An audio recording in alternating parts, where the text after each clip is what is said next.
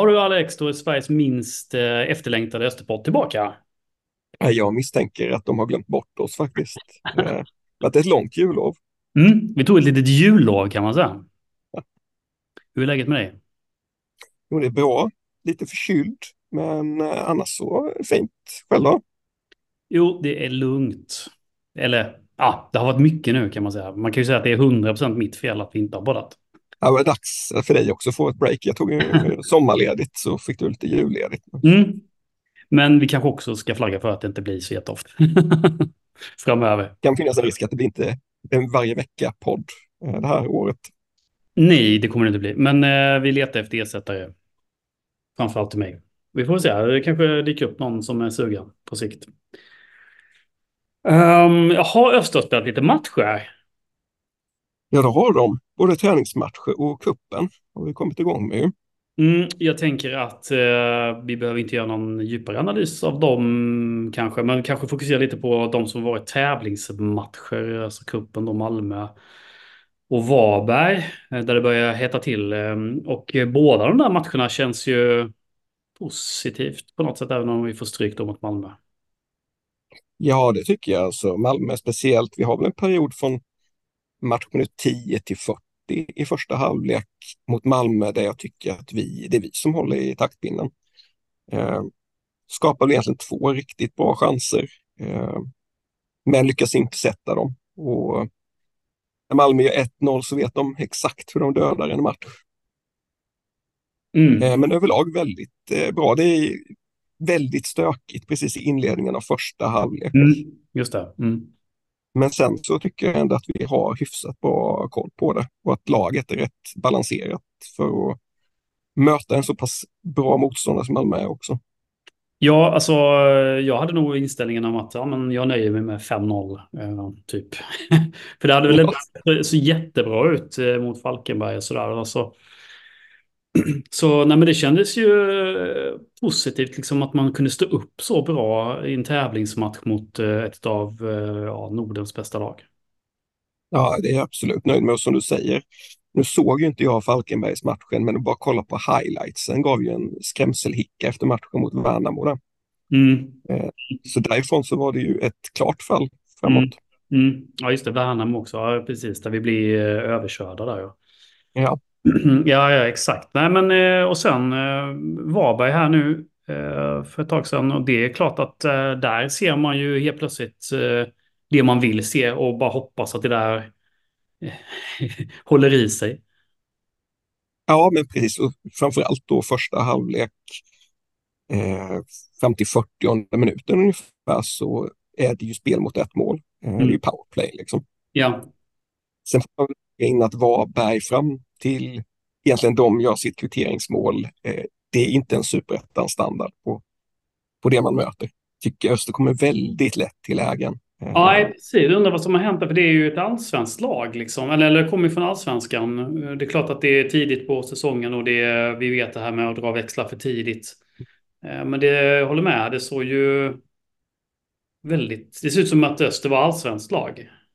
Ja, minst alltså. Mm. Eh, det var ju betydligt större klasskillnad mellan Öster och Varberg än vad det var mellan Malmö och Öster.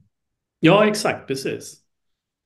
Eh, nej, men det, vi får väl bara ta med oss eh, de positiva vibbarna från, från de matcherna. Är det, tycker du så här på försäsongen att det är någon spelare som har speciellt stuckit ut på, i positiv anda? Då? Ja, men det får man plussa för Robin Wallinder. Eh, gjorde ju par riktigt avgörande räddningar mot Malmö och även en bra insats nu senast. Eh, så där känns det ju just nu tryggt i alla fall. Sen vet vi hur det var med föregående målvakt och han öppnade sin säsong så att kanske inte ska dra för stora växlar än. Man är helt skadad efter den, den ja. insatsen förra året. Ja, precis. Ja, mm. uh, nej, men det har ju sett bra ut. Bergqvist också va? På, Mycket bra. Ja, riktigt, riktigt bra alltså. Jag gillar ju när han älgar upp förra matchen. Han tar ju en 50-60 meters löpning med boll. Ja. Jag har klippt bakifrån naturligtvis. Men, eh, ja. Väldigt imponerad så här långt. Och att han har ju, han har väl bara gjort en 5-6 tävlingsmatcher och han har redan gjort fyra assist eller någonting Mm. när han kom hit. Så att Mm. Ja, det mycket är mer än vad man kan begära från en ytterback generellt Ja, ja, ja, ja, verkligen. Ehm, Det ser lite värre ut på den andra flanken, men jag vet inte om vi ska Mm. prata om det. det. Det är konstigt, vi har så många högerbackar i laget och egentligen så spelar eh, någon annan då, Herdonsson, för att kliva ner där på högerbacken igen. Då hade vi kanske lite skador så då. Men eh, det, det är lite märkligt eh, att det har blivit... En högerback borde vara det lättaste man kan värva, brukar man säga en gång i tiden i alla fall. Ja, precis. Men det, det verkar svårt. Ja, men analyserar jag sammansättningen av truppen så som det ser ut nu så är ju Herdonsson det logiska valet att sätta på högerbacken. Mm. Det är lite för trångt på innermittfältet. Och ska man få ut så mycket som möjligt av det material man har så Herdonsson är ju bättre än alla andra. Så att, Mm. Men Varmanen har fått positiv kritik också här under försäsongen. Uh, håller du med om den?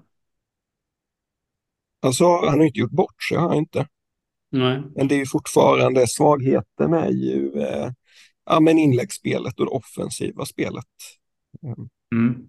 Och jag tycker Herdonsson är fortfarande bättre defensivt också, så att det liksom väger upp. För mig han andra val. Mm. Ja. Mm. Och Torre lär vi aldrig se i Östertröjan igen eller? Han har ju tre år kvar, så jag vet inte riktigt vad han har för plan. Jag vet inte heller vad det var för värvning. Eh, Det går väl rykte om att det var en tuffa-värvning så att säga då, men eh, jag antar att det finns en sportchef som har värvat honom. Nej, det, det blev kanske inte jättebra. Nej, och samtidigt också är det för tidigt att döma ut honom. Jag vet inte. Jag har inte sett så mycket träningar här, så att eh, ja, jag hoppas att de har koll på koll på honom. Och är han inte aktuell så måste vi försöka hitta en lösning så fort som möjligt. Där. ju. Mm, ja, ja, ja, visst, verkligen. Andra plus eh, på spelarfronten. Ja, är det något som stuckit ut? Jag tycker väl det har varit ganska jämnt. Men många har tre och fem så här långt in i säsongen känner jag. Mm. Stabila insatser eh, utan att sticka ut. Ja. Men ja, Koso får vi ändå dra en lans för. Ja, han- du var ju, får ju ändå, du var ju kritisk mot honom eh, kanske både Ja. du och jag, eh, förra året. Ja, men precis. Mm. Och framförallt då Malmö-matchen. Eh, det går mycket snabbare när Koso behandlar bollen nu Mm. än vad det gjorde under förra säsongen. Ja. Rakare i spelet, mycket tryggare. Känns som att han passar bättre med Foystons sätt att spela fotboll. Mm. Ja, vad tror vi om den nya tränaren då? Ja, jag blev ju glatt överraskad. Att det, både du och jag var ju väldigt ambivalenta till tränarbyte in Mm. ja, i höstas när det kom. Mm. Men jag tror att vi har fått en så bra ersättare som vi möjligtvis kunde få. Liksom. Mm. Intressant eh, filosofi. Om det är någonting som kan vara lite alarmerande så är det ju att han inte har diskuterat eh, försvarsspelet överhuvudtaget. Och det kanske är vårt största frågetecken inför den här säsongen. Ja, det, det, där var intressant. Eh, Våra kära kollegor i um, Arpö-podden pratade ju om försvarsspelet. Att det, det, är, eh, det sätter man på en vecka, eh, sa väl Filip L. Lite raljerande tror jag. Eh, Det var nog inte så, så ordagrant egentligen. För det gör man ju absolut inte. Utan det kommer vi ihåg. Vi har många säsonger där försvarsspelet har varit det problematiska så att säga. Det var inte så många säsonger sedan. Det var ju egentligen när Velic tog över som det började bli ordning på det där igen. Ja. Så eh, det, det ska man nog vara, vara vaksam på. Men jag tror ju att det finns en, helt klart en poäng i liksom, att få trumma igång det här offensiva liksom, och, och sen sätta försvarsspelet lagom till premiären eller vad man ska säga. Så kommer ju det här bli riktigt, riktigt bra. Det är väl också det som har skakat lite i eh, försäsongen så här långt. Eh, vi är väl att försöka sätta en ny eh, backlinje. Eh, det känns som om vi inte får in något nyförvärv så är det ju Adolfsson och Krishak jag ser som ett mittbackspar. Mm. Och de kanske inte riktigt har hittat varandra än helt enkelt. Att, eh, det är därför det har sett lite skakigt ut emellanåt. Mm, det känns ju som att man letar en, en eh, mittback till. Det är ju lite tunt med tanke på hur om vi, om vi kollar på de spelarna vi har så får vi ju räkna med att typ var tredje match så är ju någon avstängd eller eh, skadad. Och då är tre mittbackar lite få. Ja, ja precis. Uh, får se vad temperamentet är på en Krisac eh, eh, framöver. Men ja, nej, det, det kan vara vanskligt. Eh, och det är klart att då behöver vi ju definitivt lite mer konkurrens där. Ja. Vad tror du om, eh, vi har ju knappt sett eh, Oskar Gabrielsson sedan han kom in i laget. Nej, precis. Eh, Det är lite tråkigt tycker jag. Eh, Det, jag tyckte det var en riktigt eh, bra värvning när man Ehm, eh, tog honom. Men det är klart att det är ju tuff konkurrens på mitten här. Och det, men- jag tror att också man ska resonera så här, att Öster värvar på sikt också som, eh, som klubbar i den här storleksordningen ska göra. Utan det är inte Oskars eh, år i, år liksom, utan det är förhoppningsvis någonting som kommer här på sikt. Att man spelar in honom sakta men säkert. Eh, ehm, så det, det där tror jag är en värvning på, på sikt helt enkelt. Mm. Och en helt rätt värvning. Ja.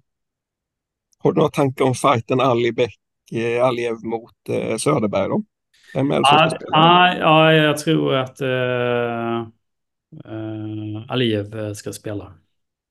Mm. Mm, som jag, som jag liksom känslan är. Eh, Det, det, det ska bli intressant eh, att se det. Men han, det känns, eh, han känns tung där uppe alltså. Alltså han får ju liksom jobba i det tysta på något sätt som ensam forward. Men eh, ja, jag tror att han, kommer han in i den rollen där så kan han bli riktigt giftig. Sen är det klart att Söderberg har ju mer potential eh, i sig. Det, det, tror vi och hoppas vi liksom. eh, Så att eh, vi får hoppas att det, att det finns en växel till där. Men jag har inte sett den än på försäsongen. Nej. Nej, jag är ju, det är ju kanske den positionen jag är mest oroad över om jag tittar på hur det har sett ut hittills. Mm. Inte Aliev har imponerat alls. Eh, svaga avslut, dåliga bolltouch, lite konstig, eh, ja men vart han befinner sig i, i, i anfallen. Det, det känns som att det var ett väldigt stort kliv att ta, division 1 till superettan. Sen hoppas jag att det här bara handlar om tempo, timing och komma in i hur det är att spela på en högre nivå. Ja, men tror du inte det? Jag menar, det är inte så lätt att möta Malmö och. Värnamo och, eh, och vad heter det, Eh, Varberg heller kanske på ett sätt då. Men eh, nej, jag tror att det, det är nog en tidsfråga. Och där har vi ju en tränare som eh, har en uppgift att, att, att lösa. Liksom. Ja, ja det är förhoppningen. Eh, för det är ju lite tunt att vi, det är inte en gambling att det är Söderberg och Aliev, att vi inte har några fler alternativ där. Nej, och det är lite synd också att André försvinner tycker jag. Eh, Jag förstår, jag förstår att han gör det och jag är kanske logisk från alla håll så att säga. Men det är, det är, man vill ju på något sätt att det ja, kunde fått ett annat avslut så att säga. Då. Men vi får väl se hur det går för André i, i framtiden här. Ehm, det är väl inte uteslutet att han kan komma tillbaka till Öster ändå. Men ja, lite synd eh, ändå faktiskt, jag tycker jag. Ja, med tanke på att vi inte har en nummer ett som är lika självklar som Jive kanske var förra säsongen då.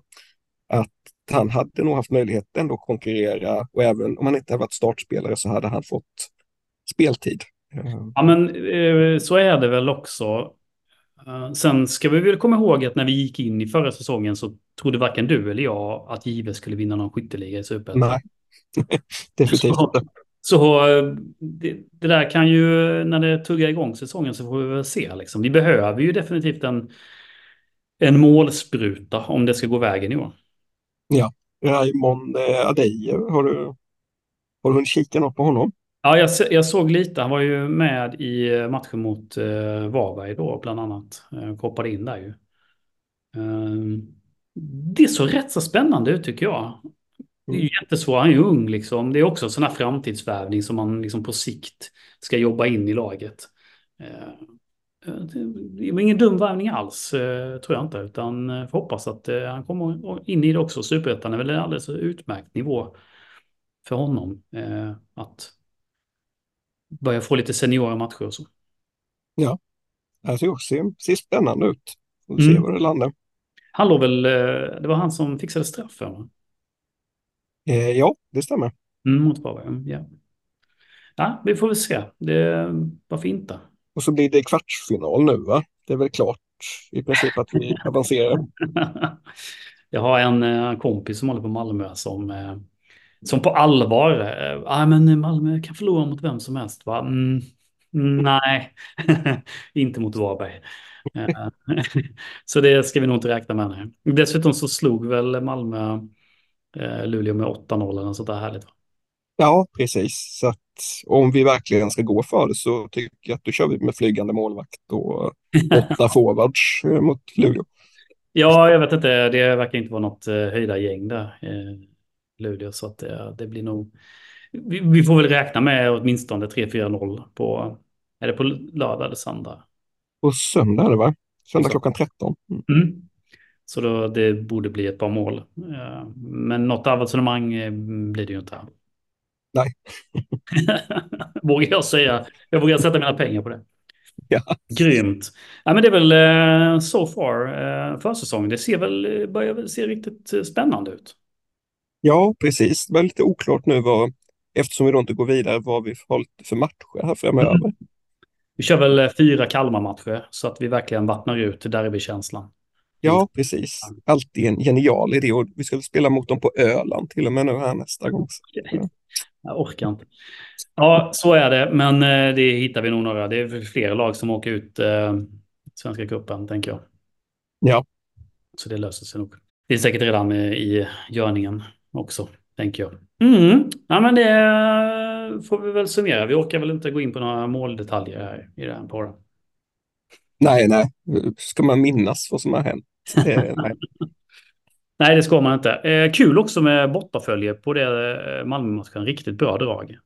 Ja, full buss och sen mycket eh, exilsupportrar också som dök upp. Det är alltid i Malmö. Det är alltid bra uppslutning i Malmö. Det är jättekul.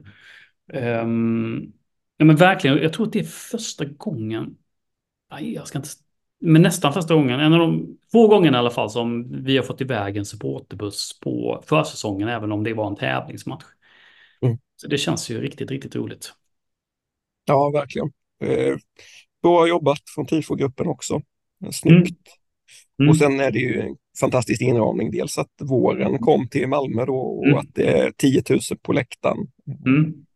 Ja, Fantastisk plan. Ja, verkligen. Eh, men eh, riktigt kul. Eh, vi är nöjda så här långt. Vi tänker inte dra fram någon såg. Än i alla fall. Nej, vi sparar den tills, till nästa avsnitt. Mm, nu ska vi eh, lyssna på en intervju som du har gjort eh, med en för detta Östermålvakt som heter Björn Stringheim. Han spelade i Öster mellan 2001 och 2006, eh, tror jag. Mm, ja, det kan stämma.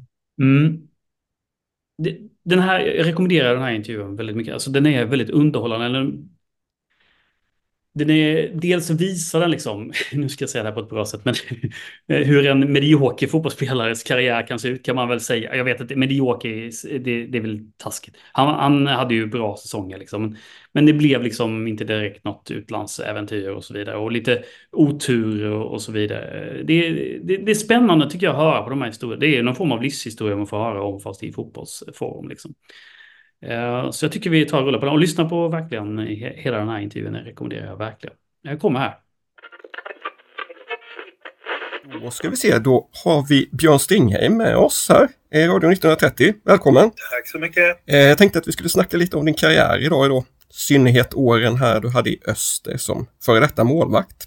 Men jag tänker att vi tar det från eh, början. Eh, du är uppväxt i Malmö va? Ja, egentligen en liten bit utanför Malmö. Vällinge heter det. Det ligger mellan Malmö och Trelleborg. Så.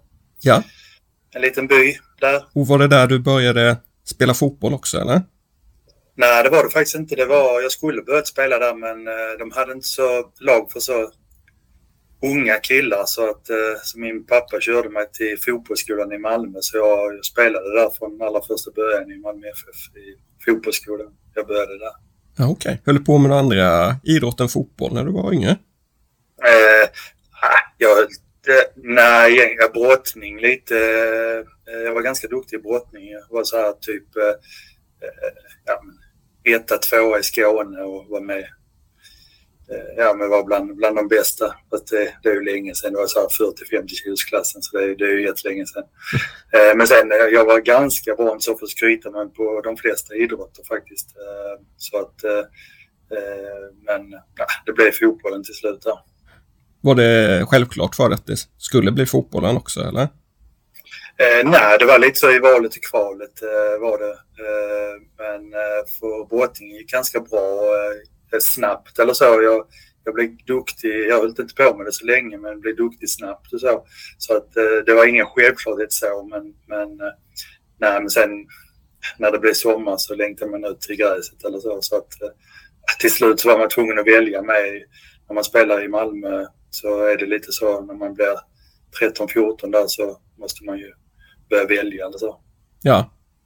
Och har du alltid varit målvakt eller har du spelat på andra positioner tidigare?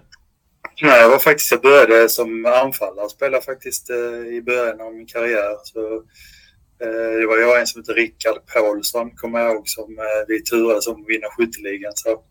Men sen eh, nej, fick vi prova på, det var ingen som ville vara målvakt så alla fick stå typ en match var. Så, så eh, nej, då tyckte jag det var kul och, och, och det gick ganska bra. Så sen fortsatte det bara så. Ja. Var det något särskilt som lockade just med målvaktspositionen? Nej, det var det inte. Jag, jag hade en liten idol i Malmö där. Eh, Janne Möller, eller Jan Möller hette han. Han stod i många år där. Eh, det var ju lite så här eh, idol när man spelade. Så eh, kanske var lite därför också man, man ville prova på. Så. Ja. ja. Hur var det att växa upp i en sån klubb? 80-talet var ju väl rätt bra där för Malmö och sen 90-talet var väl eh, ja, men lite sämre period i, i klubbens historia. Då. Ja, jo, så, så var det ju. Eh, vi hade ett ganska bra lag. Vi, vi vann ju SM för juniorer gjorde vi eh, på den tiden jag spelade och eh, jag tror samtidigt vann P16 också SM så vi vann ju både SM med P16 och juniorlag där med Malmö så det var ju det var en bra period med de här Yxelås Manowski, Daniel Andersson, Olof Persson och Tommy Jönsson och alla de här. Så det, det var kul var det faktiskt. Ja. Och när var det du blev uppflyttad i A-laget alltså? Ja, det var egentligen lite under juniortiden där så eh, var jag med och tränade lite då och då med A-laget. Sen efter SM där så hade vi ju vi hade ju inget U-lag på den tiden i, i Malmö så då, då gick man ju direkt upp i B-laget om man säger så, eller A-laget. Så Eh, det blev ju bara egentligen jag, och Tommy Jönsson, han som var i Halmstad många år, mittbacken, och eh, en kille som heter Pri Tang. Eh, men han, han var bara där och sen, sen, sen fortsatte inte han längre. Så egentligen så var det egentligen bara jag och Tommy Jönsson från att vinna junior-SM så det var lite, lite så här komiskt. Sen eh, de P16 där kom ju Yxel och Osmanowski och sen var det någon till som kom upp där från, från det laget. Men eh, det var ganska många som försvann faktiskt. Här. Ja, vad var det för målvakter som du konkurrerade med i A-laget där på den tiden? Då var det ju Johnny Feidel, han var ju där i många år. Och sen var det en eh, kille som hette Karsten Olausson. Han, han gick ju till Trelleborg sen ja, han fick ju aldrig chansen riktigt där för Johnny. Han var ju första målvakt så, så eh, för att han skulle få spela så gick han till Trelleborg. Han, han var därifrån också så att han, då eh, fick jag ju chansen och blev jag ju eh, andra målvakt då. Ja. Och blev det några matcher, framträdanden där i Allsvenskan mm. under den tiden? Jag debuterade faktiskt, jag tror jag var 17 eller någonting, gick i gymnasiet kommer jag ihåg. Eh, mot Häcken var det, för det var jag var egentligen eh, tredje målvakt då, men Johnny Fedel blev utvisad och Karsten, han hade varit knäskadad så han hade precis kommit tillbaka. Så eh, vi hade ju Rolf Zetterlund som tränare då, så han, han valde ju mellan Karsten och, och mig då. Och då eh, dagen innan eh, match då, så fick jag reda på att jag skulle spela. Så, eh, det var kul, vi vann med 5-1. Oj! Ja. Robert Prytz spelade ju på den tiden. Ja. Så det var rätt roligt man har spelat med de här gamla stofilerna med. Ja, men vilken debut. Och blev det några fler matcher efter det sen? Uh, nej, det blev uh, inga i allsvenskan, men jag spelade lite cupmatcher och sånt gjorde jag. Ja. Så, uh, och, nej, det kändes lite så. Johnny, han var ju duktig. Han var ju landslagsaktuell. Han, han var ju där liksom typ ja, men, tredje, fjärde i landslaget. Ibland var han med, ibland inte. Så, så det var ju svårt att slå ut honom och så. Så att jag, sen flyttade jag på mig faktiskt eh, 98 tror jag var då flyttade jag till Finland och spelade i högsta ligan i Vasa där. Ja, hur var det så pass ung och dra iväg till, till Finland och, och spela där? Ja, men det var, det var trevligt. Mm. Eh, jag trivdes jättebra där faktiskt. Eh, svensktalande stad. Men själva laget var ju eh, finsk då, men det var ju några finlandssvenskar som var med och sen var det ju någon, någon irländare och någon engelsman och sådär. Så men jag trivdes jättebra där. Eh, träffade en av, jag ska inte säga att det är en av mina bästa kompisar nu, men, men vi har kommit ifrån varandra lite. Han, är, han bor i Cambridge, eh, Roy heter han. Så vi spelade två år ihop där och umgicks ju varje dag eller så. Så det, ja, det är roligt. Han har, han har öppnat gym nu så han håller på, håller på med det. Ja. Så, ja, ja, roligt. Så. Sen är det några man har kontakt med sen, sen innan som har flyttat till Sverige, Stockholm och så. Så att eh, det, var, det var faktiskt en rolig tid. Fin stad faktiskt, Vasa där på sommaren. Ja, absolut, kan jag tänka mig. Eh, hur var finska ligan sig i förhållande till, till allsvenskan eh, att komma över där? Ja, men det var alltså, man kan nästan säga att ungefär det var som, som superettan. Ja. Alltså de bästa lagen var ju nog, eh, vad ska jag säga, de var nog lite kanske bättre än superettan men sen var det ju några lag som var typ så här, ja men superettan-klass eller så. här. Men den är ganska bra den ligan faktiskt. Eh, Den är bättre än vad man tror. Ja, Det är faktiskt. Så där fick jag ju chansen med att spela lite i, i eh, ja då, då hette det Uefa-cupen nu. Mm. Nu heter det ju Europa League. Så eh, jag har spelat eh, sex matcher där tror jag i Europa League. Så det var kul med att komma ut i Europa och spela lite. ja var det några intressanta lag som ni mötte där? Nej, vi slog ut ett lag från Färöarna. Eh, jag tror det var var Torshamn eller någonting sånt där. Och sen mötte vi St. Johnston från Skottland. Förlorade vi mot dem. Sen året efter eh, fick vi eh, inte Storm, Graz, Graz AIK tror jag de hette, någonting sånt där. Eh, förlorade vi också. Eh, så, så det blev, blev sex matcher med det. Ja, men kul upplevelse faktiskt. Ja, det kan jag tänka mig. Mm. Och sen så blev det väl Öster efter eh, Vasa där eller? Ja, Sen blev det en liten session till Umeå faktiskt. eh, Okej. För eh, det blev, de fick lite problem med pengar och sådär. Så att, så ja, de betalade inte ut lönen så då åkte jag bara båten över och spelade ett halvår i, i Umeå FC som låg i Superettan då. Ja. Och sen efter det blev det Öster. Och hur kommer det sig att det blev eh, Öster? Eh, Jag vet faktiskt inte. Jag tror det var, det var någon som tog kontakt med om det var vad heter han, Widén, eller Leif Widén tror jag. Och ville att jag skulle komma upp och, och provträna eh, två dagar eller någonting. Så jag åkte upp då, det var på den tiden det var den här konstgräs, eh, den här hårda med grus. Det var inte så jätteroligt men eh, alltså provtränade jag två dagar och sen, eh, nej, sen så blev det Öster. Ja, och det var 2001 eh, för den säsongen eller? Ja, ja det var det. Ja. Ja. det, var det. Och ni hade Kuznetsov som tränare under den tiden eller? Ja, det hade vi. Kuznetsov hade vi på den tiden. Just det. Ja. Eh, eh, han gillar jag faktiskt som tränare. Jättebra eh, eh, med just den tekniska biten och så. Ja. Han jobbar med ungdomar då tror jag eh, mycket. Men han, han, nej, jag, jag gillade honom faktiskt. Eh, Han ville att man skulle spela fotboll och rulla och så. så eh, nej, så han, han, han gillade det faktiskt. Vad skulle du säga, vad var Öster för klubb när du kom dit 2001? Liksom var, eh, hur, hur, hur såg organisationen ut och eh, hur mådde klubben egentligen? Vad har du för intryck liksom när du kom dit? Ja, då när jag kom var det väl, alltså man, man hade ju hört talas om Öster. Så, alltså, det, det, är som en, alltså, det, är, det är ett namn som liksom man, man vet vad det är för klubb och sådär. Eh, och jag tycker ändå att eh, ja, men det var ganska bra organisation ändå, men man, man märkte att det var alltså eh, att storhetstiden lite, lite var förbi eller så just med, med löner kanske och, och, och spelare och så. Men sen kan man ju tycka, alltså man, man måste ju bygga upp igen och jag tyckte ändå vi gjorde det. Eh, ja men tog lite spelare, lite från lägre divisioner och, och klarade oss ändå ganska bra. Alltså vi, vi var ju aldrig liksom eh, vi var ju nästan alltid uppe i toppen där, vad jag minns i alla fall. Vi gick upp ett år där, eller två år gick vi upp när jag var där. Ja, Och, så det, nej, men det var, nej, nej, men jag, jag gillar Öster. Jag tycker det är en bra klubb. Så. hade du någon eh, målvaktstränare på den tiden eller vad, hur såg det Mm. ut med målvaktsträningen egentligen? Ja, det hade jag faktiskt. Mm. Eh, Lennart Furudal hette han. Mm. Lell. Eh, tror han var från Ingelstad. Han, han var där i rätt många år tror jag.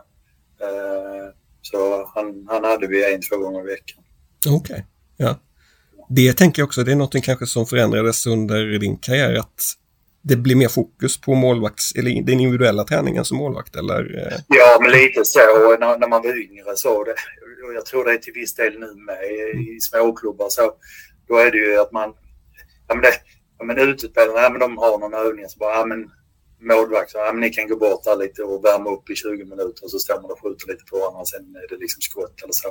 Så jag, jag tycker lite att, att eh, målvakterna glöms bort lite. Inte i de här storklubbarna, där har de ju målvakterna liksom som jobbar heltid och så. Men just i, i de här mindre divisionerna så man glömmer bort det lite, eh, just, eh, just målvakterna.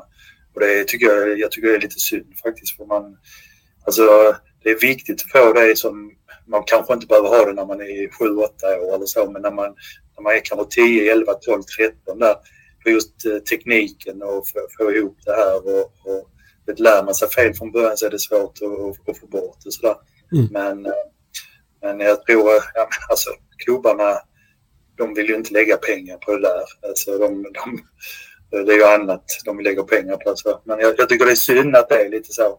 Mm. Faktiskt. De, de glöms bort lite, målvakterna, de yngre. Man tänker ju annars att det kanske kan komma tillbaka rent ekonomiskt om man utvecklar bättre målvakter än sina konkurrenter. Men, ja. ja, precis. Jo, jag håller med. Jag håller med. Eh, om vi ska men 2002 där så gick ni upp eh, och vann serien. Det var väl så här, sista 30 minuterna där mot Café Opera som eh, ni avgjorde evenemanget. Var, ja, precis. Hur, har du för minnen? Ja, vad ser du på den säsongen där? Nej, men jag, nej, jag spelade väl helt okej okay den säsongen tycker jag.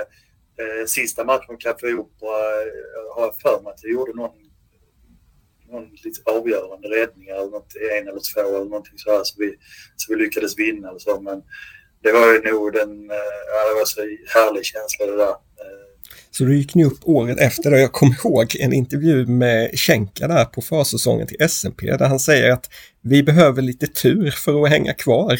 Vad hade ni ja. spelare för, för känsla inför den eh, säsongen? Här? Ja, precis. Men var det den 2002? Ja, 2003. Ni gick ju upp eh, år, ja, precis, efter. precis. Ja, ja den eh, säsongen då, det var ju den allsvenskan där, ja. ja. Då, där hade jag eh, väldigt dålig försäsong. Jag hade ju en, eh, en eh, axelskada så jag, jag, kunde inte, jag kunde inte riktigt träna. jag körde rehab mycket. jag fick kortisonsprutor. Så jag, jag hade en ganska, ingen rolig försäsong hade jag. Så att när första matchen kom där mot, jag tror vi mötte Djurgården första mm. matchen, va? då eh, hade jag ju, alltså Kenfors, eh, en bra kompis för mig, han, han, eh, han hade gjort det jättebra på trä, i träningsmatcherna och han hade ju stått den här matchen mot Kalmar där också. Eh, så jag, jag var helt säker på att han skulle stå den matchen. Han, han, han, hade ju han hade gjort det bra liksom helgen innan.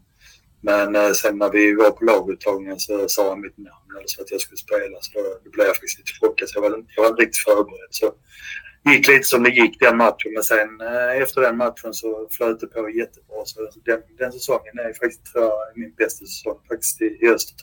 2003 mm. även om vi åkte ut. Ja, för jag har tittat lite klipp och så här inför det här från 2003, eh, lite intervjuer ja. så. Du blev väldigt hyllad i, i media eh, som en av ja. ligans bästa målvakter. Eh. Ja, jo det, det gick ja, men det är inte konstigt heller när man har mycket att göra. Nej. Så. Då syns man mycket med eh, Eh, men, äh, men, det, nej, men det gick bra. Efter den matchen mot Djurgården där så har jag för mig, nu ska jag säga Djurgården, där, då mötte vi Helsingborg borta och vann den matchen. Sen hade vi Göteborg hemma oavgjort. Enköping borta vann vi. Mm. Eh, så då, då, då liksom det bara flöt på. Och sen, sen började vi förlora lite så, men ja, man kom in liksom i ett flow och det bara, det bara flöt på faktiskt. Så ja, det var det var en rolig säsong för mig, men för laget var det inte så jätteroligt. Vi åkte ut så, men, men för mig så var det jätteroligt. Det blev lite jobbigt till slut. Man tyckte det var roligt med det här. Man fick inte bli intervjuad hela tiden och, och det var hur roligt som helst. Men till slut blev det lite... Eh, det var hela tiden att de ringde till mig kanske och, och, och ringde och skrev i tidningar och sådär. Lite så här halvjobbigt i slutet blev det ju. Men, men, Ja. eh, men, ja, men det, var- det var okej. var det. Björn Stingheim, han som inte platsade i Malmö FF för några år sedan och för en tid försvann in i anonymiteten har varit en av vårens succémålvakter i Allsvenskan. Och han är det trots ett handikapp, kronisk migrän, som han först nu vill berätta om. Ibland kan jag komma på träningen, då får jag åka hem och lägga mig och, i ett mörkt rum och, och sova då. Men eh, jag har fått tabletter av eh, läkaren här och eh, eh, tar jag dem i tid så brukar jag klara det ganska bra. Stringheim hade inga större bekymmer att hålla nollan inledningsvis. Det var tekniska Rödväder Öster som började bäst och fejdigast mot fysiskt tunga AIK för dagen utan sin mittfältsmotor Christer Nordin. Inget Östermål. Istället händer detta i 79 minuten. Stringheim förlorar duellen med AIKs inhoppare Inia. Andreas Andersson spräcker Stingheims nolla som höll i 349 minuter. 1-0 till AIK.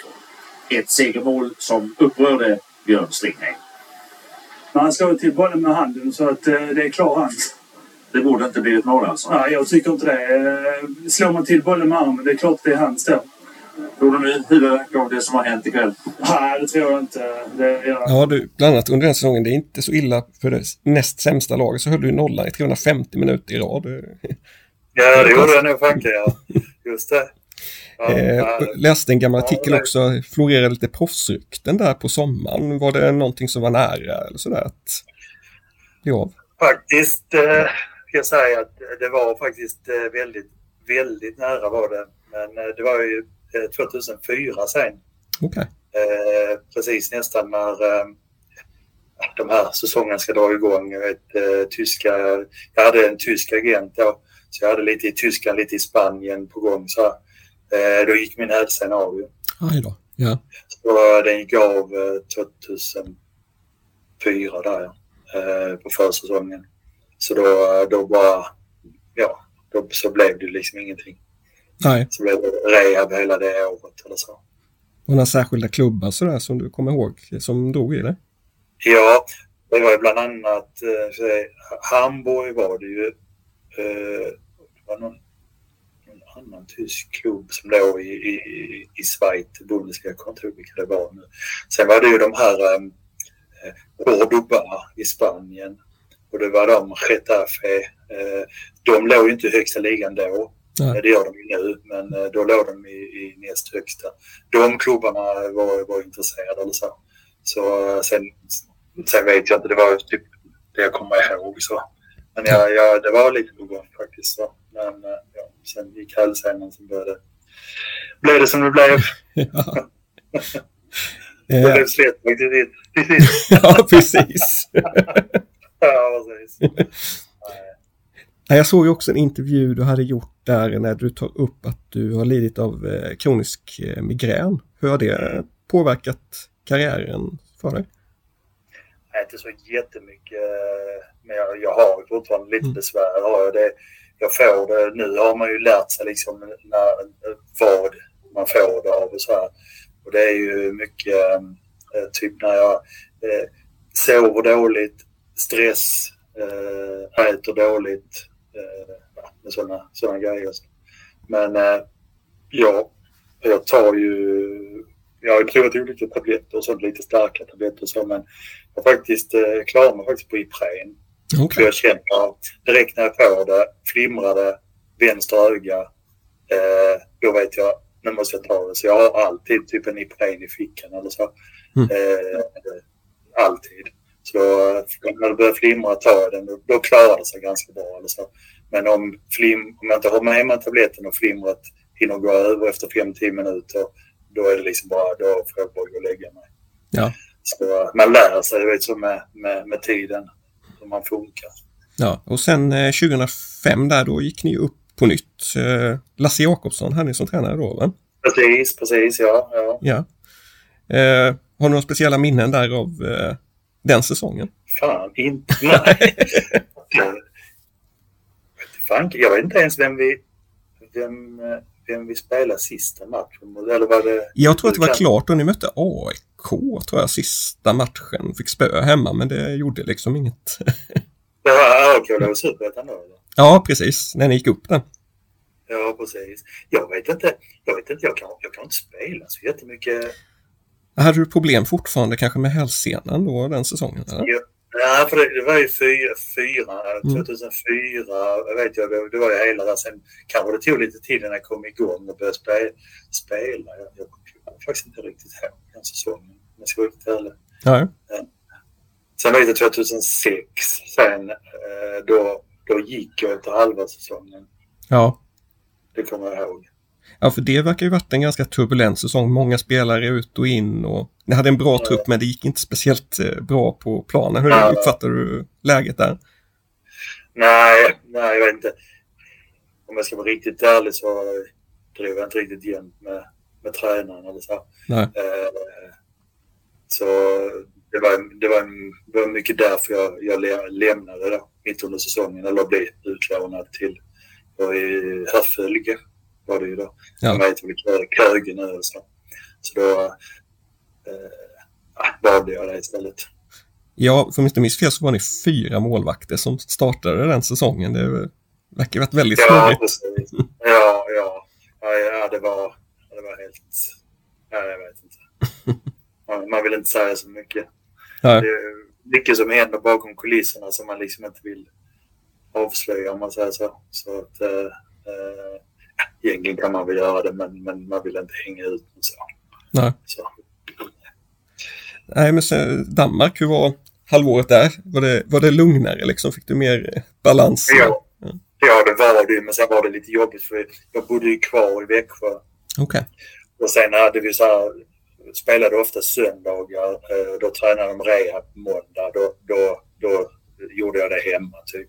Mm. Och sen eh, åkte jag dit. Och, eh, jag brukar ofta åka tåg. Men då, var man åkte ju, åkte ju då från Alvesta och sen in till Köpenhamn. Och där bytte man ju till ett annat tåg och sen hämtade någon. Alltså det var rätt eh, jobbigt. Men Ja. det var bara ett halvår eller så. Men det var, det var, det var lite sådär. Men eh, ja, men då har man provat på det med liksom. Så Ja. det var rätt okej. Och sen drog du en bra jäkla bit upp till Boden där va, i division 1 sen. Precis, eh, det gjorde jag. Eh, ja, då, jag hade lite tanke på att jag skulle lägga ner lite. Men eh, sen var det några klubbar som hörde av sig, bland annat Syrianska. Där de var jag träffade lite. Och sen, sen hörde ju Boden av sig och då eh, kände jag kände att det var jäkligt långt eller så. Så jag, jag drog till med någonting bara, ja men det här vill jag ha. Ja. Då, då sa de bara att nej, det kan vi inte gå med på. Sen ringde de en vecka efter så vet jag inte om det var någon sponsor som hade. Så då, då fick jag det. Sen ja, det var det bara att åka upp. så, men där trivdes jag faktiskt också jättebra. Jag tyckte de hade bra, eh, ja, men, bra tränings... De hade den här Arkushallen där i Luleå och sen eh, tränade de. De hade något gym där, jag kommer inte riktigt ihåg vad det hette. Och de hade fysioterapi. Så ja, men de hade, ja, men, det var ganska bra. Var division 1 om man säger så. Ja. Bra förutsättningar. Ja, sen efter det så eh, kände jag väl lite, jag hade två års kontrakt där men jag, jag bröt efter ett år för min, min sambo hon trivs inte riktigt uppe eller så. Nej. Så eh, då kände jag bara att nej nu får det, nu får det vara lite eh, köra- åka liksom fram och tillbaka hit och dit. Eh, Ja, det var rätt jobbigt faktiskt. Så, så nej. Men då var det naturligt att det blev Växjö-trakten sen när du flyttade hem? Ja, då hade vi köpt en bostadsrätt eh, 2005 tror jag det var. Mm. Eh, och då, så jag hade ju kvar den bostadsrätten när jag åkte upp till Boden eller så. För de betalade mitt boende där uppe. Och sen så, så det blev ju liksom plus minus noll. Så. Ja. Och sen hade jag en granne som klippte gräset till mig eller sådär. så, eh, som jag lärde känna. Och sen så, eh, så, ja, men så blev det att man flyttade tillbaka sen. Och sen så har det blivit eh, en hel del lokalfotboll efter det. Precis, efter det eh, var det Ingelsta i tre år var jag spelande tränare. Och sen tror jag det var Sams på ett år. Och efter det var det Åryd. Och sen var det nog Slätthög. Ja, tror jag. Och det var också ganska komiskt faktiskt. För då var ju, vi, jag bor i Moheda då. Jag köpte hus 2013. Mm. Eh, och 2012 i typ eh, september tror jag, då skrev vi på kontraktet. Men vi skulle inte flytta in från 2013 i mars. Okay. Eh, och då var det typ en vecka efter vi hade skrivit på kontraktet. Jag, jag hade inte pratat med någon så här, liksom att, att vi hade köpt hus i Mora. Då ringde han, Stefan, eh, Stefan Andersson heter han Han var ju, eh, vet du det, eh, sportchef i Slätthög. Och, jag har hört att du har köpt hus i Moheda. Vill du spela för Slätthög? ja, det var rätt, äh, rätt komiskt faktiskt att hur det liksom hade kunnat sprida sig så snabbt. Så, så efter det så, så blev det Slätthög. Så där var jag väl i, ja. jag är kvar lite i styrelsespelare, eller jag är, jag är vice ordförande nu, men nu, nu har de satt igång igen så där så att ja, det är lite så här. Jag var vice ordförande när de la ner i alla fall. Ja, har du, har du någon kommentar om turbulensen i Slätthög förra säsongen? Vad, vad som hände där egentligen? Ja, nej men det var, det var ju det här med de här brassarna och hade varit strul med allt. Alltså det, det har varit, det har varit jättekonstigt det där faktiskt för det, att Svenska fotbollsförbundet har, har ju godkänt. Och sen, och sen helt plötsligt är du godkänd, alltså då, då är det fel. Och sen, ja, det är jättestruligt. Jag, jag var inte alls inblandad i det där eller så. så att, men, men det var väldigt, väldigt konstigt faktiskt. Så, ja, men det är roligt att de, att de börjar om igen. Jag har sett att de har fått tillbaka lite gamla stofiler eller så. Så de ska väl spela på skoj. Så, så det, ja, det, det är väl roligt faktiskt för dem. Du fick inte lite blodad tand där när du var tränare? Inget som du känner att du vill återuppta det? Jo, jag är faktiskt tränare idag. Ah, Okej. Okay. Vart eh, tränar du då? Ruttnes damer. Aha. ja, jag vet inte om det har kommit ut när det blir klart här för ja, det, är inte, ja, det är någon vecka sedan men de har väntat med att gå ut med det. Då blir det Så, officiellt här då? ja, precis, precis. Ja. Nej, men jag fick lite förfrågningar eh, faktiskt. Eh, jag var faktiskt och spelade i Tolj eh, förra året. Ja. Eh, för han Håkan Nilsson som var lite i öster som eh, eh ja, fysioterapeut eller sådär. Han tränade ju dem. Och sen hade de ett problem. De hade väl förlorat sex, sex matcher eller någonting i rad där. Så han ringde till mig och frågade om jag ville ställa upp. Och, så då sa jag okej, okay, jag kan vara schysst att ställa upp till, till, till sommaren. Men sen blev det hela säsongen. Eller så. så att men man är, man är rätt sliten nu ska jag säga när man är, jag är jag fyller ändå 49 så man... Men, äh, men jag ty tycker att takterna sitter faktiskt i ganska bra fortfarande så men, men, men man blir ju man blir sliten alltså i rygg och så. Det, man känner ju att man är, man är snart 50 faktiskt. Ja. Försäsongsträningen, kör du lika hårt eh, där fortfarande eller? Den åker man helst över kan jag säga. Det är, ja, fy fanken, usch. Ja det slapp jag nu då när jag, jag råkade ut för en skada 2020. Då eh, när jag spelade i Slätthög, då krockade jag med en anfallare och fick hans knä på revbenen. Eh, och då spelade jag spelade klart matchen så det var typ en halvtimme kvar eller någonting. Eh, sen mådde jag lite så här dåligt på kvällen när jag kom hem. Och, ja, men var allmänt så här så jag tog en Alvedon och tänkte jag har fått någon spricka på revbenen. Sen när jag vaknade på morgonen så sa jag till min sambo, det känns konstigt här, liksom sidan på ryggen. Eh, så hon kände det, var liksom så det knastrade. Oj. Så hon bara, du måste åka in, sa hon då. Så jag, jag åkte in då. Och sen eh, visade det sig att jag hade punkterat lungan med två revben var. Shit. Ja. Så, eh, så jag tror nog att det var så att när jag fick smällen gick revbenen av. Sen kastade jag mig ändå vet, adrenalinet som man känner väl inte. Och då gjorde det väl när revbenen var av att jag punkterade lungan då. Ja. Så, så jag låg inne på IVA i tio dagar faktiskt. Eh, just mitt under coronatiden där så det var inte så jätteroligt. Men eh, eh, sen efter det sa jag, ah, nu får det vara bra. Men sen spelade så ringde jag ändå Slättö när de behövde hjälp och så här. Så spelade jag någon, någon, några matcher där. Och sen året efter igen spelade jag väl någon match då. Sen sa jag nej, nu får det vara bra. Sen ringde då Håkan så ställde upp och spelade. Men nu, nu har jag sagt att nu, nu är det finito. Ja. Men nu får det vara bra faktiskt. Nu, nu kanske jag känner lite att man kanske ska börja träna lite. Så jag har lite tränare. Ja. Så, så, ja, men så tyckte jag det lät intressant med Rottne. ja, men damer. Lite så. Lite, lite roligt liksom. Och, de har ungt lag och eh, de har väl kanske inte så stora ambitioner och så men, men, nej, men vet, utbilda de här unga tjejerna och, och se liksom hur, hur det går. Ja, det ska bli kul faktiskt. Ja, ja det ska bli spännande att se hur det går för i år. Då. Ja, precis. om, du, om du ser tillbaka på din karriär i stort, vad, vad har, du, har, har, du något minne som sticker ut? Liksom, något starkaste minne av karriären? Alltså, jag har, jag har ju rätt många minnen så faktiskt. Eh, bland annat eh, speciellt den matchen mot Café när, när man går upp i allsvenskan. Alltså det, det, det är ju ett minne.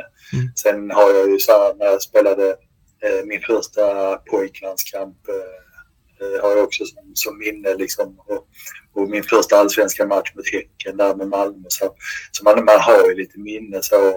Men det, det är de starkaste minnena så. Eh, sen är det ju lite, om vi säger jag, när jag spelade i, i öst så var det ju ändå en eh, alltså den, jag ska inte säga den första klubben, men det var ju där jag var ändå ganska länge och var första målvakt eller så. Det var jag i Finland där med, men där var jag liksom i två år eller så. Mm. Det var liksom eh, första, så det, det var liksom där ändå man kände att karriären sköt fart eller så. Att man, man, man lite fick ett namn om man säger så. Så, så det, det är ett minne med så när man, när man eh, så, så jag hej, hejar faktiskt på, på Öster, men Malmö med faktiskt. Den kommer ja. ja, det, det, är lite så. Men det är bra att de är inte i samma serie, så det är bra. ja, det blir ju Svenska cupmöte snart där ju. ja, precis, precis. Ja, ja men det ja, men ro, roliga minnen eh, faktiskt från, från Östertiden får jag faktiskt säga. Ja. Hur följer du Öster idag annars? Eh, Nej, inte så jättemycket. Jag, tyck, jag tyckte det var roligt eh, lite efter att man hade slutat. Så det var några, många spelare som var kvar och, mm. och, och, så. Det, det, det, tyckte jag var roligt. Men nu är det ju liksom, det är ju inte någon kvar. Nej. så, äh, men sen, vad ska jag säga, jag har ju träffat eh, genom jobbet eller så, så har jag ju träffat äh, Eh, några spelare som bor i lägenheten så jag jobbar ju med det. Eh, så då har man börjat snacka lite, eh, lite fotboll så. så men, men annars så kan jag väl åka och titta på någon match då och då. Det kan jag väl göra. Så det, det är roligt så, när det är någon toppmatch eller så. Ja.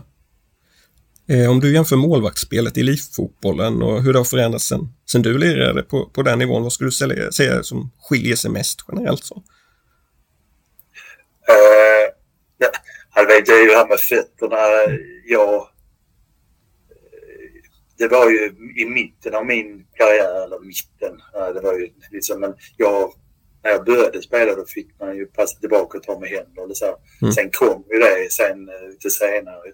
Men medan då de yngre nu har ju hållit på med det hela tiden. Så det har ju blivit bättre tycker jag på, på målvaktssidan. Så. Eh, men annars tycker jag inte det skiljer så mycket. Nej. Jag tror säkert faktiskt att jag har gått in i Östers A-lag nu. Ja. Nej, jag skojar. 48 år, ja. ja. förra säsongen kanske. ja, faktiskt. Med rutin i så fall. Ja. ja. Eh, jag har fått in en lyssnarfråga också eh, till dig. får man ta upp bollen med händerna utanför straffområdet i Guddarp? Frågar lyssnaren här. ja, speciellt i Guddarp. kan, kan du berätta lite vad som hände där? Ja, men jag vet inte om jag, om jag tog upp den utanför eller hur jag gjorde. Det gjorde jag säkert. Jag blev, jag blev säkert utvisad med. För jag, jag har för mig faktiskt att jag... Jag har ju faktiskt blivit utvisad två gånger i Godarp. Jag, jag tror det, men, men och kanske spelat tre gånger där. Något sånt.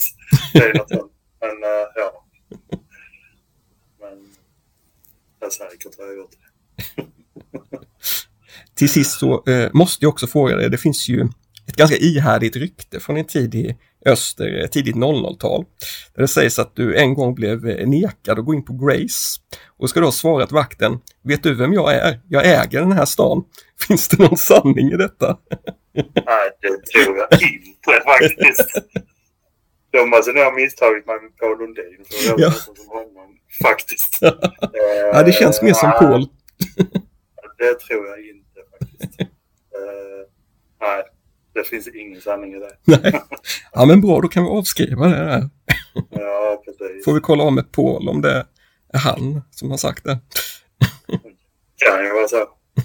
Ja, men jag tyckte man blev, ibland blev man faktiskt lite, vad ska jag säga, de tyckte att Paul Lundin och jag var lite lika, kanske inte till utseendet så, men eh, att vi var lite lika kanske i spelstil och, och, och vissa kanske som inte visste hur vi såg ut, att, att man kanske tog fel så. Eh, men jag, jag vet inte, jag såg inte Paul Lundin så mycket när han spelade, men jag vet ju också att han, han dribblade ju lite så här också och det, och det gjorde jag ibland med ju. Ja. Så eh, det kan ju vara det som var att man eh, var lik eh, och sen att vi hade långt hår båda två. Jag vet inte. Men, men, nå- något sånt kan det ju vara. Ja, precis. Två skåningar med. Ja, precis. precis. En från Osby och en från Vellinge. Ja. Nej, men det var det jag hade så får jag tacka Ja. så jättemycket för pratstunden. här. Ja, precis. Det var trevligt. Ja, Ja, så får du... roligt att, att bli uppmärksammad igen. Ja, precis. Får vi ta en liten utvärdering sen av hur det har gått för Rottne här i slutet av säsongen. Ja, precis. Det får vi göra. Ja. Ja. Ja, men vi säger så. ja, men det gör vi. Tack så mycket. Tack så mycket. Hej, hej. Hej. Mm. Den var rolig och underhållande tycker jag. Ja, pratglad och eh, delar gärna med sig. Eh, vad som har hänt. Det är ju väldigt spännande karriär ändå. Ja, men det är ju det. eh, taskigt att säga medioker, men det är... Det, det är en eh, intressant bana liksom. Och, och komma och spela i Vasa då liksom. Och sen komma till, till, eh, till Öster och med, med citat. Hur kom du hit? Eh, jag kommer inte ihåg.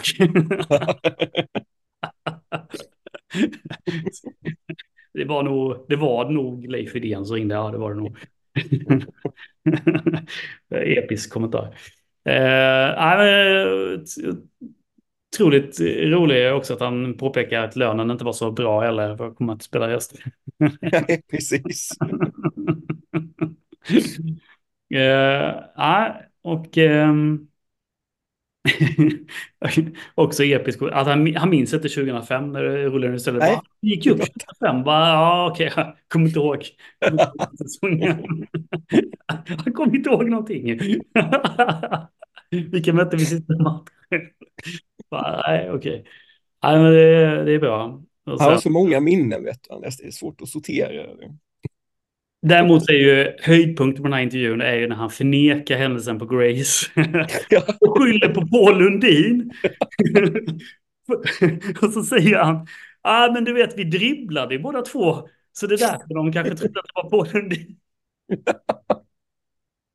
Det finns fan en likhet med honom då.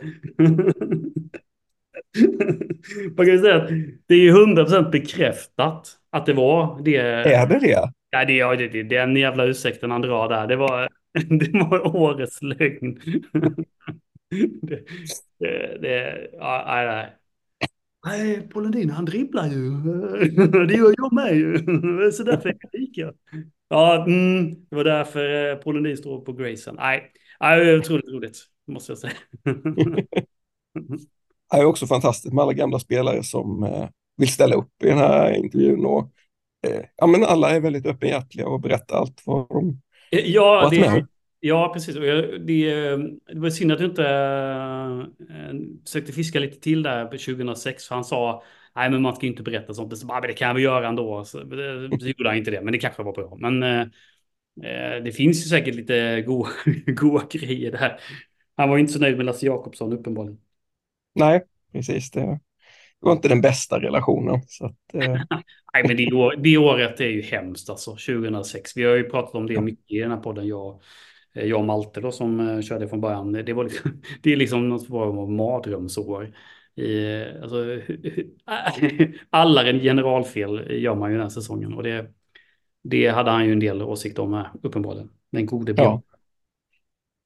Det har han väl gemensamt med alla som bevittnade säsongen också. Så, Ja, fy fan. Ja, verkligen. Eh, jaha, har vi något annat eh, på agendan som du vill prata om?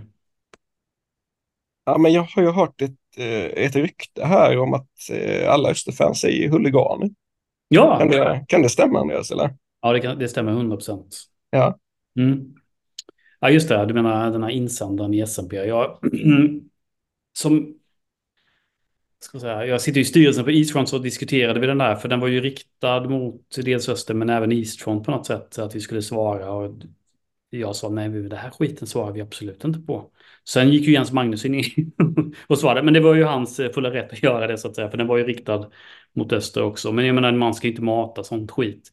Det är ju, det, det finns ju, det finns ju ingen ingenting att vinna på den debatten. Nu hade ju han skrivit en slutrubrik här också, den här personen som hade eh, skrivit den här insändaren då också. Att, eh, det, liksom, det, går inte, det går inte att argumentera. Liksom. Det, det, det, är väl ingen som tycker att det är bra om det slängs in bengal. Vem tycker det? Liksom? Mm. Det, det, är ingen som tycker det är bra, att det slängs in bengaler. Det, så är det bara. att det bränns bengaler kan man ju ha olika åsikter om. Mm. Eh, och där är ju... Där har ju Eastfront det, har ju åsikten om att det är olagligt och det, kan, det stödjer inte Eastfront. Liksom.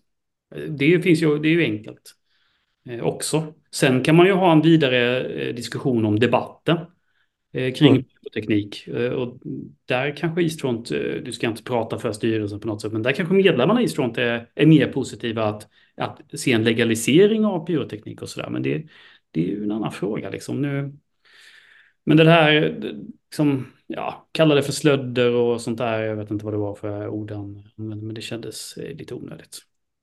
Alltså framförallt så tycker jag det vittnar om okunskap att man eh, inte kan särskilja till exempel ultraskultur från firmakultur. Eh, där att vissa då inte är supportrar. Även jag vet, du behöver liksom inte hålla med om att det är positivt och nita andra supportrar på stan, men det betyder ju verkligen inte att de inte håller på sitt lag.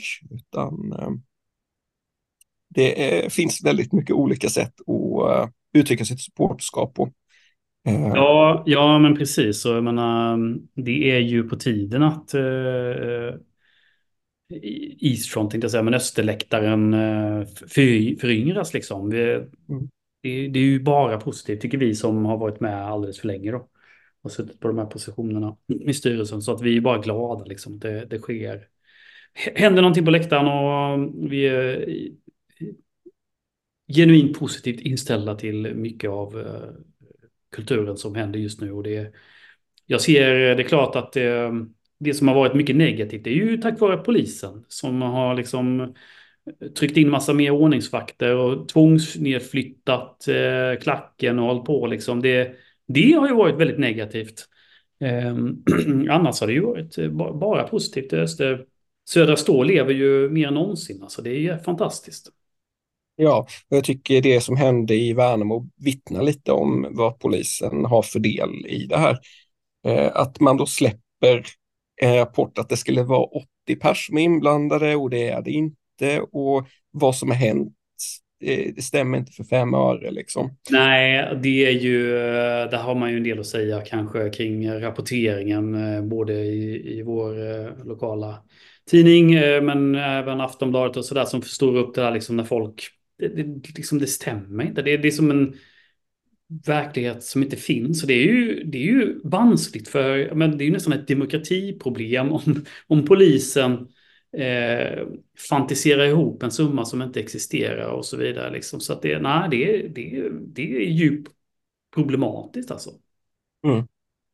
För de, alltså de incidenter som har hänt, om det har hänt några på läktaren den här säsongen, så är det ju enskilda individer som gör felaktiga saker och då ska de naturligtvis straffas för det. Liksom. Mm. Eh, men det finns ju verkligen en kultur att man då drar East från framförallt över den kan, det finns massvis med undersektioner och det, mm. alla är där som individer och ska ta ansvar för vad de gör på läktaren. Ja, men någon, något som hände nu eh, senaste matchen här i Varberg där det var eh, någon flagga där någon trodde det var nazistsymbol och så bara direkt, är det nazistsymbol så går jag, går jag ur liksom. Vad, vad är det du ska gå ur liksom? Är, är, det, mm. är det den, för Eastfront har inga nazistsymboler i alla fall. Alltså det, precis som du Nej. säger, det, det, det är klart, att sånt här kommer ju hända liksom. När klacken växer, då växer klacken på riktigt. Då kommer det nya individer. Men Eastfront kan ju inte stå och ha ansvar eller liksom eh, som, som förening. Vi har en värdegrund, den går, gå in och läs den. Det är vår, det är vår liksom värdegrund i Eastfront. Och det, den är ganska rak och tydlig. Vi har liksom inget annat. Och det, det är liksom det här, det blir, mm, ska säga, pekpinnen blir liksom riktad mot, mot Eastfront. Och det, det känns jättemärkligt. Alltså ponera att det finns 0,1 procent nynazister i samhället så finns det väl en överhängande risk att 0,1 procent av publiken på läktaren också är det. Ja, jag, jag vet inte, jag kanske. Jag har ingen aning, men eh, det, det, är liksom, det är lite synd att det blir så eh, svart eller vitt. För det är, inte, det är inte så enkelt. Det är precis som resten av världen, det är inte svart eller vitt, den är väldigt grå liksom. Mm. Det, man får försöka förstå liksom att Eastfront är snarare en paraplyorganisation över flera olika sektioner. Och vi har en värdegrund, de som inte följer den är inte välkomna i vår förening. Ja. As simple as that. Ja, precis. Verkligen. Jaha, något annat? Vi har ju ett årsmöte som kommer. Jajamän. Ja, det blev ju lite för... Ja, precis. Det skulle egentligen varit nu på söndag. Eh, men eh, vi har haft lite problem med att få upp en styrelse. Jag, jag tror att i skrivande stund, eh, tänkte säga, eh, vi spelar in den här podden, att det finns en lösning. Men jag är inte säker. Jag hoppas det. Eh, det var en vänlig själ som eh, hörde av sig till vår valberedning där och kunde ta hand om ekonomin. Jag hoppas att han verkligen håller sitt ord där. Och det tror jag. Mm, och då får vi nog ihop en styrelse. Men annars är det alltså slut. Alltså det är liksom, föreningen lägger i alla fall på paus. Då, det, det, vi, har, vi måste ha en kassör och, och det här så att det funkar liksom. Så vi... Det är liksom inga hot, det är bara, vi bara lägger ner skiten. För jag, det är liksom, nu är det slut. Vi har sagt ett år till, vi som satt i styrelsen. Och det, nu är det ändå två som troligtvis kommer sitta kvar. Då. Men eh, ställer inte folk upp så, så blir det ingen. Eh, det, det är enkelt. Men har ni fått några, fick ni någon respons när ni la ut det på forumet? Om... Ja, men det är, jag tror att det är en som hörde av sig där med ekonomi. Det är ju kassörer framför allt som har varit eh, problemet. Så att jag tror att vi, vi löser styrelsen. Ja. Tror det behövs en ordförande, en kassör. Jag tror det är bara det som behövs egentligen om man ska eh, formellt. Men jag tror att vi har någon stadga också som, som kan kräva lite mer.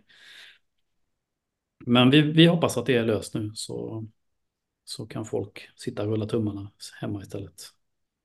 Man kan ju pallra sig dit den 21 i tredje i alla fall så kan ni rulla tummarna sen. Ja, ja, precis. Det får man gärna göra. Det är ju alltid kul att träffa österfolk liksom och, och hänga lite så. Men verkligen. Mm. Ska vi vara nöjda så? Ja, då får vi helt enkelt se när vi ses nästa gång. Ja, det blir om ett halvår. Ja. Nya alternativa Österpodden. ja, precis. Nej, men det, det är väl... Eh, vi får sikta på det. Så allt annat är väl bonus. Grymt. Tack eh, för idag, Alex. Tack själva. Mm, puss. Puss.